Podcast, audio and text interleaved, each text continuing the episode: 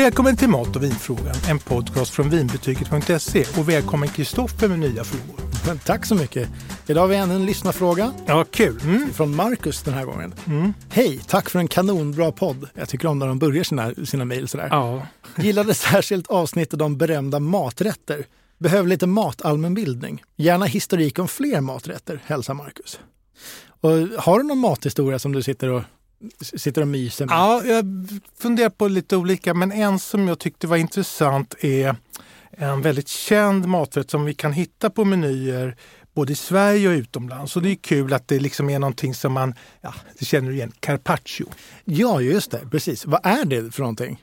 Ja, men carpaccio är ju lite ovanligt får man lov att säga. Det är tunt, tunt skivad oxfilé, mm. lövtunn. Mm. Ungefär som tänker du köper prosciutto i skivor så är den ju liksom ja, så tunn, så, ja, supertunn. Och den ligger på en rucola-bädd så här. Mm. Och sen så eh, smaksätter man den här med eh, pinjenötter och hyvlar över god parmesan. Mm. Och så ringlar man en olivolja över. Där är den. En kvalificerad gissning är att det här måste vara italienskt. Ja, det är superitalienskt. och det kommer från då norra, eh, nordöstra Italien, från ja. Venedig. Okej. Okay. Ja. Och vem skapade den här då? Jo, det, han hette då Cipriani. Nu ska jag luta mig tillbaka och njuta av den här storyn. ja, vi får se här. Eh, och han ha, drev ju den här Harrys bar i Venedig. Där har vi varit förut, eller hur? Yes, det har vi varit. Det var en drink som gjordes där va? Ja, precis. Det var ju då bland annat Bellini. Just det. Nu ska jag inte störa mig. Men precis, Nej, men det, det, det, det, vi pratat om ja, men Harrys bar är en introduktion. Så det, ja. det, det, är alltså en av världens mest omtalade barer. Just det. Och man kan väl säga så här bara för att ge någon slags bild. Den öppnade början på 1930-talet och mm. var väldigt eh, besökt och omtyckt av liksom toppskiktet mm. inom olika mm. världar. Men var det någon ren slump eh, den här eller fanns det någon anledning till att Cipriani hittade på rätten? Ja, alltså han hade ju stamgäster som var rätt krävande. Mm. Eh, bland annat hade han grevinnan Amalia Nani Monchenigo, mm. eller Contessa heter det väl på, på italienska då. Mm. Eh, och det här var i början på 50-talet. Hon berättar då för Cipriani då att hennes läkare ordinerat henne enbart, alltså Harrys bar var ju inte bara en bar utan det var även en restaurangdel. Mm. Och då så sa hon att min läkare säger att jag ska bara äta rått kött. Mm. Hon var stammis, hon fick då olika, eller någon variant där. Mm. Mm. Men så tyckte då Cipriani nästan synd om måste vi variera. Mm. Och då kom han på att vi smaksätter det här med parmesanen, med pinjenötterna, olivoljan etc. Mm. Och så rucolan som ger sin smak. Jag tycker det låter som en eh, bra idé.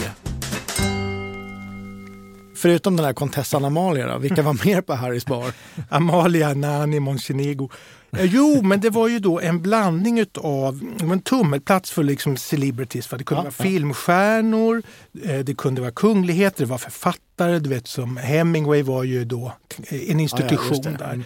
Mm. Det var operadiver, va? om vi säger då liksom Maria Callas var där. Mm. Orson Welles som var sån här filmgeni, va? han hängde där. Och Hitchcock, det engelsmannen då, som också var liksom en, en, en stor, stor liksom känd person, var mm. också där. Mm. Och då erbjöd väl Cipriani dem ett inre rum där de kunde få liksom eh, umgås. Carpaccio helt enkelt. Bland annat, ja. kanske dricka en Bellini eller två, ja. vad vet jag. ja, men de drack kopiösa mängder dry martinis också. Där. Just det. Mm. Så de blev mm. ordentligt på dojan. Och då eh, så fick väl de en slags fristad från, du vet, de kunde paparazzis hade ju kommit tid, alltså de kunde väl på något sätt eh, det kom ju förresten med den här Dolce Vita-filmen med Anita Ekberg. Mm. Den handlar ju om mm. paparazzis. Strunt samma. De fick vara i fred mm. där mm. och kunde väl också ha lite kul på, över gränserna eller vad man ska säga. Mm. Ja. Så att säga. Ja. Men om Carpaccio låter väldigt italienskt, Harry, Harrys bar, ja. han, det är ju mindre italienskt. Ja, och det, det kan jag hålla med om. Eh, alltså det här varför det heter Harrys bar, det är en ganska märklig historia. Va? Men det handlar väldigt mycket om förtroende och tillit. Ja, ja. Många reste runt till Europa, eh, eller i Europa när man eh, var ung efter kanske sin examen. Om man kom Mm. från liksom ett förmöget hem så fick man göra en sån här Grand Tour. Mm. Och eh, det här var då i början på, eller 1920-talet så var det en amerikan som gjorde en sån här Grand Tour och, och landade naturligtvis i Venedig. Det var ju liksom en spännande stad, det är det ju fortfarande. Mm. Och där tog, liksom checkade han in på Hotel Europe som var väldigt fint. Eller Europe kanske det heter på italienska. Mm. Det, var ju franska. Jag vet inte vad det hette, hur det uttalas på italienska. Men det hette så i alla fall. Och där bodde han Mm. länge. Det gjorde man. Och festade och levde livets goda i Venedig. Mm. Och där jobbade Cipriani den äldre i baren. Och då var ju bartendrarna som en slags du vet, samtalspartner, terapeut. Eh, Mm. du vet, man öppnade sig, man berättade och satt där och, och, och drinkade och hade sig. Mm. En riktig filmscen. Ja. Och sen försvann den här eh, unga amerikanen som heter Harry Pickering. Han försvann bara så här. Och då undrade naturligtvis Cipriani, vart tog han vägen, den trevliga stammisen, den unga amerikanen här? Jo, och då var det så att han hade en jättenota på hotellet som han inte kunde betala. Och skälet var att hans föräldrar hade stängt hans konto. Nu, så, nu är det nog eh, Harry Pickering med dina liksom, bus i Europa. Så, och han, han visste inte vad han skulle göra. Och han träffade Cipriani och beklagade sig. Och Cipriani som var en bartender med inte världens mesta pengar men världens största hjärta. Han lånade ut nästan alla pengar han hade så att han bailade ut. Så han kunde betala, Pickering kunde betala och åka hem till USA och få skäll av föräldrarna. Ja. Och så, så hade ju han så här, jag kommer tillbaka, så, ja, Ja, och så ja. betalar det här. Så, så, och sa den godtrogne eh, Cipriani. Ja. Ett halvt år, ett år, ett och ett halvt år, två år. Inga pengar. Va? Nej. Nej. Och så en dag så står Pickering där, va? Mm. lite skönt. Och så säger han så här, jag vill betala tillbaka och jag vill femdubbla det här. Okej. Och jag tycker att nu ska du använda de här pengarna till den här baren som du har berättat om att du vill öppna. Mhm. Och då så tyckte Cipriani, det var inte mer än rätt att den ska heta Harrys Såklart. bar. Ja, det är fint. Det är riktigt fint. Okej, tillbaka till själva maträtten då. Var kommer det italienska namnet carpaccio ifrån? Ja men Carpaccio det var liksom inte någon, någon, någon bratty amerikan. Nej. Utan det var snarare en renässansmålare eh, då som levde i Venedig på eh, mitten av 1400-talet och 15, en bit in på 1500-talet. Ja, ja. Och när då Cipriani den yngre hade skapat den här rätten med Ja. den röda eh, oxfilén och allt det här så måste han hitta ett namn, vet, göra liksom som ett brand av det här. Just då i Venedig på 50-talet så pågick en stor utställning med den här konstnären Vittore Carpaccio. Och han hade i sina konstverk ofta rött av någon anledning. Och då såg väl den här Cipriani, det här är ju maträtten. Och så fick den heta då Carpaccio efter konstnären. Okej. Och så kan man väl säga, då man lite ärligt, alltså, maträtten är betydligt mer känd än konstnären. Ja, ja. Faktiskt. Och nu till det viktiga. Inget annat spelar roll. Nej. Vad dricker man till en carpaccio? Jag tycker att maten är viktig också, jag måste säga det. Då. Men eh, vi, vi kan ta lite om maträtten då. Eh, Ja. alltså, här har jag nämnt att det är oxfilé Mm. och det var det från början, det är originalet. Men idag så ser du på menyer också, det kan vara lax, det kan Mm, vara det. tonfisk, det kan kan vara kalvfilé till exempel. Men det kräver ju att det är någonting som är väldigt mört. Och så skär du extremt tunt. Mm. Eh, och rått ska det ju vara då. Och då kan man tänka sig att allt som vi lagar, Mm. steker eller grillar, får smak av den processen. Mm. Så den här rätten är inte speciellt smakrik Nej. egentligen. För den, den har inte fått någon stekyta eller någonting som, som gör att Nej, smaken det. växer fram. Ja. Och det här styr lite vinvalet. Mm. Så vi kan Det är inte, lite som så här sushivin måste det vara lite, inte åt samma håll. kanske inte skulle vilja Nej. säga. Nej. Men alltså, vi vill ha ett vin som inte är för kraftigt, som bara doff, dominerar Ja. den här milda. Eh, för det skulle liksom ja, ta överhanden. Ja, verkligen. Och du vet, det här är ju goda grejer. Va? Om du tar en fin olivolja med den här parmesanen och rucolan, bara det. Rucolan är ju lite pepprigt, nötig sådär ihop. Supergott, det är Ja. nästan en rätt i sig Ja, utan verkligen. köttet.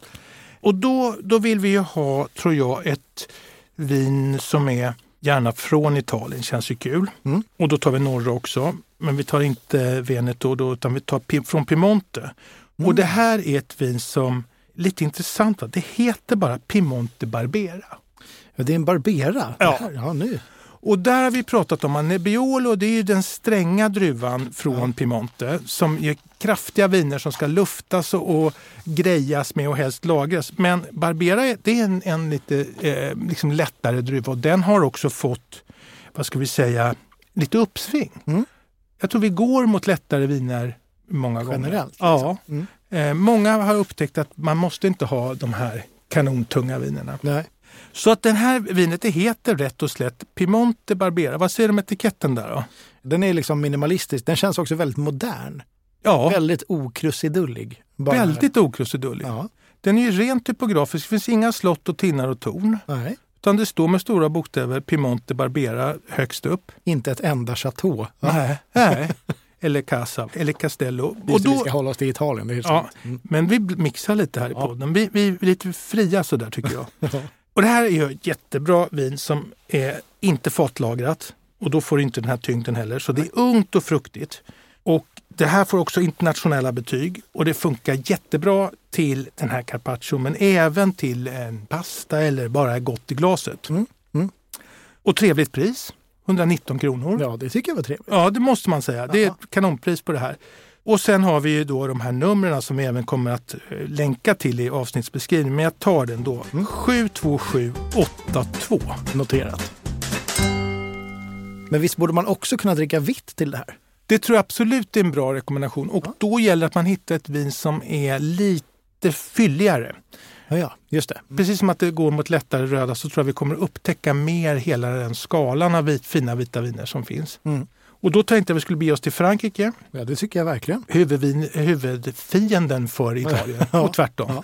De har ju många krig bakom sig. Eh, och då är det så i alla fall att där är ju det roliga, spännande, fina området, det är Bourgogne. Mm. Och där hämtar vi det här då som heter, det är väldigt knixigt namn kan jag tycka, Couvent de Jacobin Bourgogne Blanc. Ja, men klassiskt franskt namn. Ja, och om man bara skulle bara härleda lite grann. Couvent de Jacobin, det betyder ungefär jakobinernas kloster. Mm. Och jakobinerna, det var ju stränga gubbar under franska revolutionen. Okej. Ja, de högg i huvudet av både den ena och den andra. Och, eh, Men gjorde även vin då kanske? nej, det, ja, det är inte mer än vad jag vet, för det här är inte så gammalt som att det... Utan, nej, nej, okej. nej. Men det, alltså, de har döpt det här till eh, Jakobinernas kloster och så har man även då någon slags liten fin symbol där på etiketten. Ja, den här, kändes, de- den här var lite mer Ja. snirklig. Här är lite pyntat både här och där. Ja. Inget chateau, men Nej. likväl lite pynt. Ja, det är väl någon slags, vad ska vi säga, en liten skulpturgubbe där. Ja. En ängel eller kanske en livsnjutare. ja, jag tror att det är en livsnjutare. Ja. Och det här vita vinet då, det är gjort av druvan chardonnay så det har liksom lite smak och det är lite mer tryck i det här. Det är inget lätt blaskigt vin, tvärtom. Va? Mm. Och den som gör det här det är en jättekänd eh, producent som heter Louise Chadot. Så det här är ett säkert kort. Ja, ja. Det, här ska, det här är ingenting som man behöver tveka om någon gång utan det är bra.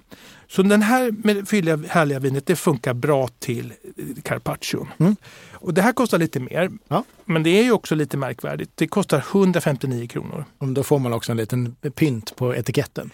Du får pynt i vinet skulle jag säga. Eller inte pynt, du får en härlig stor smak. Okej. Så det, det kan vara värt att betala för. Ja, det är det faktiskt. Ja, och numret är 5798. Jag tycker om när de är fyrsiffriga. Det gör jag också. Mm. Ska jag skriva till Systembolaget? Jag tror att de har slut på nummer, det är synd om dem. Det är, Ja, det är därför de måste hålla på med långa nummer. Ja. ja, men rött funkar, vitt lite kraftigare Mm. Finns det något mer som funkar till Ja, carpaccio? lite fylligare skulle jag säga. Ja, ja, jo, just jag tycker ju att det är gångbart faktiskt med ett mousserande.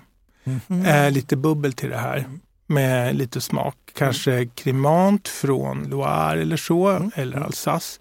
Eh, eller kan man ta, som vi har pratat om, en cava som är bra. Mm. Och vill man slå på stort så tar man en champagne.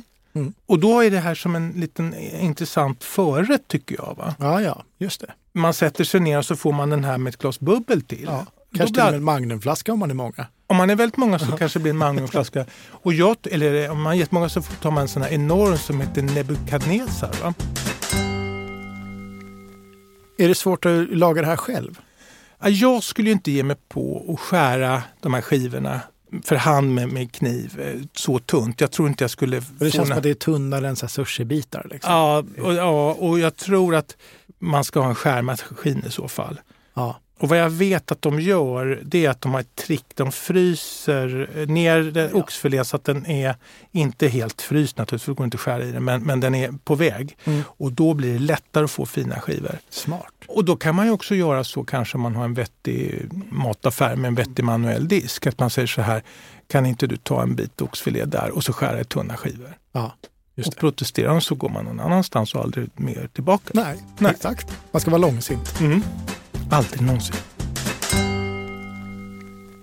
Du Kristoffer, jag måste bara fråga, du vet det här fenomenet med att det var massa brats som reste runt mm. i Europa och, och festade och såg världen och mm. ja, de blev väl av med oskulden och allt möjligt. Och då undrar jag så här, har du sett den här filmen, The Talented Mr Ripley? Det har jag faktiskt inte, det skulle jag vilja se. Jag har sett en som påminner om den som heter Eurotrip, men jag tror att den här är mycket mer seriös och bättre. Ah, men då, och jag älskar när man kan tipsa om någonting, för då har du en upplevelse. Exakt. Det här är en av mina topp 10 filmer. Ja. Den här handlar om, eh, bara i korthet, en, en brattig amerikansk kille som eh, sticker till Italien mm. med sin flickvän efter college och sådär. Hans förmögna far söker upp en kille som han tror är hans skolkamrat. Mm. Eh, men som är egentligen en, en, en doldis och väldigt, eh, jag behöver inte gå in i detalj. Nej, nej. Så han får som uppgift av Bratsons pappa att leta rätt på sonen för han är orolig och liksom, okay, ja. vad gör han där i Europa? Ja, ja. Och de som spelar här, det är en kanonlaguppställning. Va? Jude Law är den här mm. stiliga, solbrända, coola bratten mm. med världens snyggaste flickvän då, Gwyneth Paltrow. Mm. Och sen den som är nörden som ska nästla sig in i den fina världen till mm. varje pris. Han gör ju en setup egentligen för att kunna bli mm. utvald av den här pappan. Ja. Det är Matt Damon som spelar honom. Okay. Och både Joe Law och Matt Damon har fått priser för sina prestationer. Mm. För det, det, det är superskarpt. Det här måste jag se helt enkelt. Ja, du måste se den här. Ja. Och den, ja, absolut. Och sen är det så här att Jude Law, som då kommer från liksom ett, ja, stora, den stora världen, har en kompis som är en så extremt dryg och hopplös mm. och börjar förstå att den här killen infiltrerar och han, han är ute efter aj, pengar och han är ute efter någonting. Och den som spelar honom det är Philip Seymour Hoffman. Okay. Och jag hade gärna givit honom en Oscar för bästa biroll för han är fullkomligt briljant som dryg. För han pressar ju Matt Damon något fruktansvärt. Um, så The Talented Mr Ripley kan jag rekommendera och gillar man att läsa så ska man försöka hitta den här som bok. Och då mm. tror jag den heter En man med många talanger. Mm. Och det är Patricia Highsmith som har skrivit det här, som är en mästare på avancerade thrillers. Hon skrev bland annat eh, flera böcker som Hitchcock filmade, som var eh, liksom superskarpa. Okay. Och den boken är du, det kryper i dig när du läser för det är så obehagligt. Och när han håller på då med sina liksom, tricks för att komma in och hur han luras och hur han byter identiteter och sånt där. Det är otroligt bra. Fan, sen kan vi, vänta, jag tycker Kristoffer så här, vi ska titta på var den finns någonstans. Mm, absolut, ska vi kolla typ Netflix då? Ja. Ska vi se. Ja visst, där finns den. Så det är nära till hands. Ja. Bara korka upp ett glas vin och luta sig tillbaka i soffan. Perfekt. Ja, men nu är det väl dags att, att runda av den här för den här gången. Tack ja. för, tack för carpaccio-tipset. Det här ska jag eh, tipsa alla mina köttätande vänner om. och även vintipsen såklart. Ja. Det är alltid lika intressant. Tack själv Kristoffer och tack alla som har lyssnat. Ja, verkligen. Vi hörs snart. Ha det bra. Hej. Har du frågor om mat och vin? Alla frågor är välkomna. Maila till mig på stefanvinbetyget.se